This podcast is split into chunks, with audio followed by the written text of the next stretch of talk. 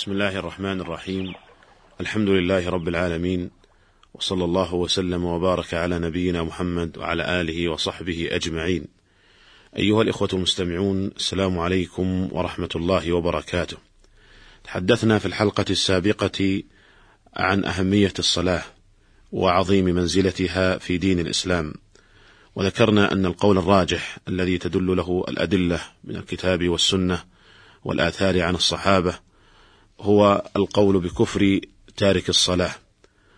وذكرنا أدلة ذلك. وننتقل في هذه الحلقة إلى الحديث عن الحكمة من مشروعية الصلاة. ومن أحسن من تكلم عنها فيما وقفت عليه الإمام ابن القيم رحمه الله تعالى. فقد تكلم عن الحكمة من مشروعيتها كلاما بديعا. نكتفي بنقله في هذه الحلقة.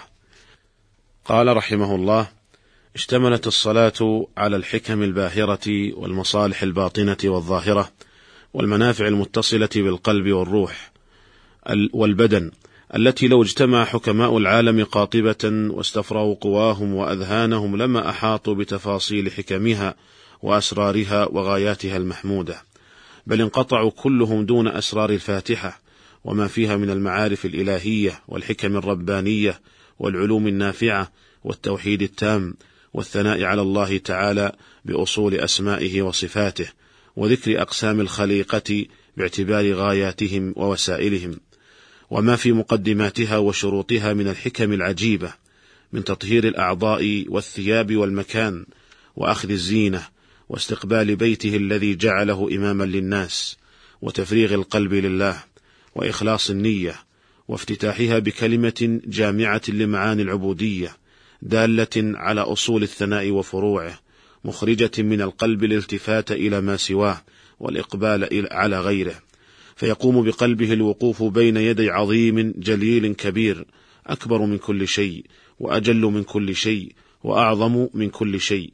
تلاشت في كبريائه السماوات وما اضلت والأرض وما أقلت والعوالم كلها عنت له الوجوه وخضعت له الرقاب. وذلت له الجبابرة. قاهر فوق عباده ناظر إليهم عالم بما تكن صدورهم يسمع كلامهم ويرى مكانهم ولا يخفى عليه خافية من أمرهم.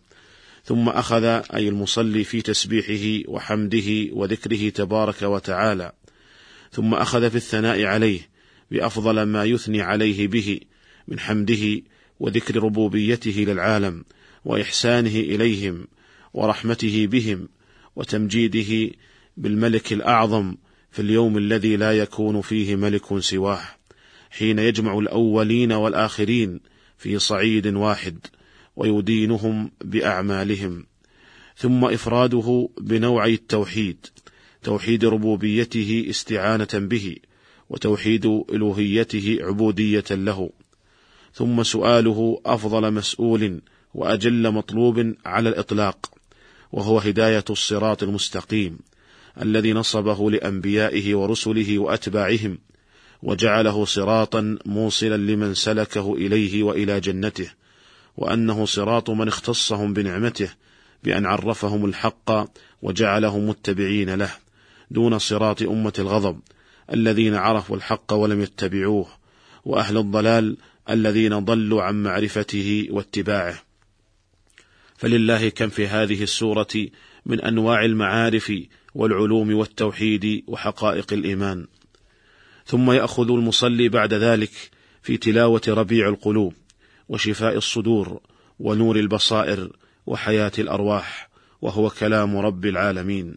فأي نعيم وقرة عين ولذة قلب وابتهاج وسرور لا يحل له في هذه المناجاة.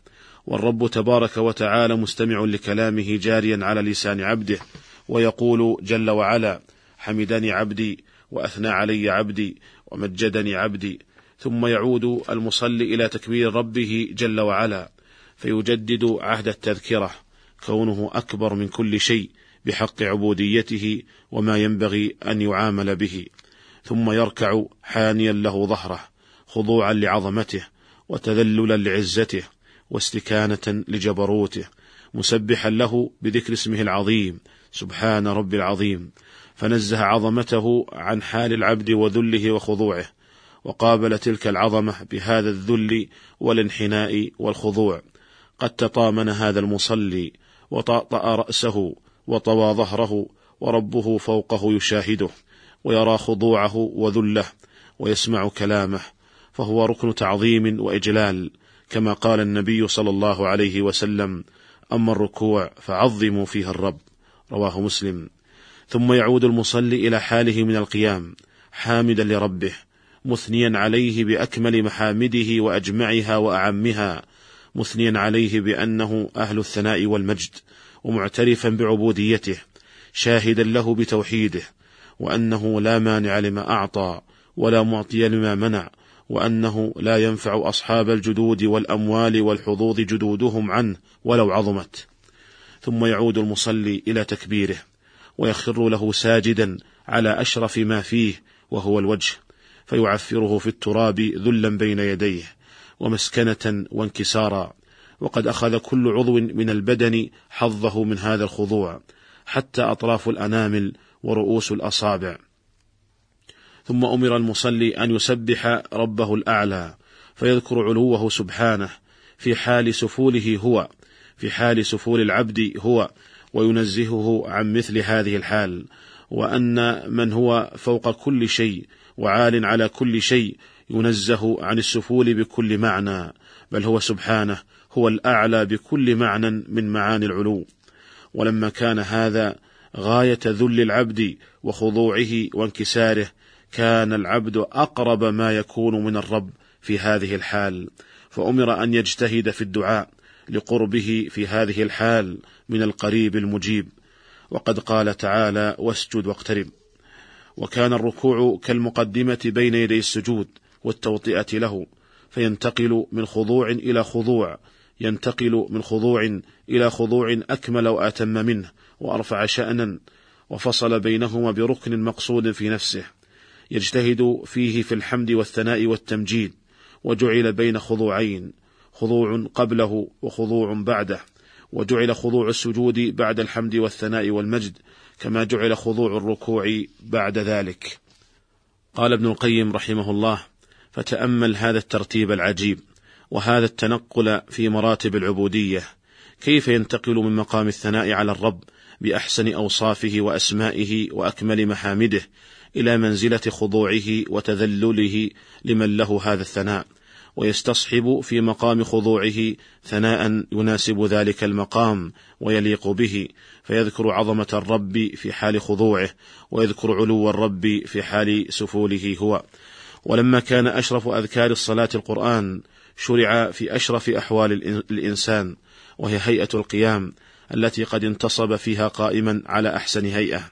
ولما كان أفضل أركانه الفعلية السجود شرع فيها بوصف التكرار وجعل خاتمة الركعة وغايتها التي انتهت إليها تطابق افتتاح الركعة بالقرآن واختتامها بالسجود. أول سورة افتتح بها الوحي وهي اقرأ باسم ربك الذي خلق فإنها بدأت بالقراءة اقرأ وختمت بالسجود فاسجد واقترب. وشرع له بين هذين الخضوعين أن يجلس جلسة العبيد وأن يسأل ربه أن يغفر له وأن يرحمه ويرزقه وأن يهديه ويعافيه. وهذه الدعوات تجمع له خير خير دنياه وآخرته. ثم شرع له تكرار الركعة مرة بعد مرة كما شرع له تكرار الأذكار والدعوات مرة بعد مرة ليستعد بالأول لتكميل ما بعده ويجبر بما بعده ما قبله وليشبع القلب من هذا الغذاء. وليأخذ زاده ونصيبه وافرا من الدواء ليقاومه. فإن منزلة الصلاة من القلب منزلة الغذاء والدواء. فإذا تناول الجائع الشديد الجوع من الغذاء لقمة أو لقمتين كان غناؤها عنه وسدها من جوعه يسيرا جدا. وكذلك المرض الذي يحتاج إلى قدر معين من الدواء. إذا أخذ منه المريض قيراطا من ذلك لم يزل مرضه بالكلية. وأزال بحسبه. فما حصل الغذاء والشفاء للقلب بمثل الصلاة قال ما حصل الغذاء والشفاء للقلب بمثل الصلاة وهي لصحته ودوائه بمنزلة غذاء البدن ودوائه. ثم لما أكمل الصلاة, الصلاة شرع له أن يقعد قعدة العبد الذليل المسكين لسيده ويثني عليه بأفضل التحيات ويسلم على من جاء بهذا الحظ الجزيل. ومن نالته الأمة على يديه ثم يسلم على نفسه وعلى سائر عباد الله المشاركين له في هذه العبودية.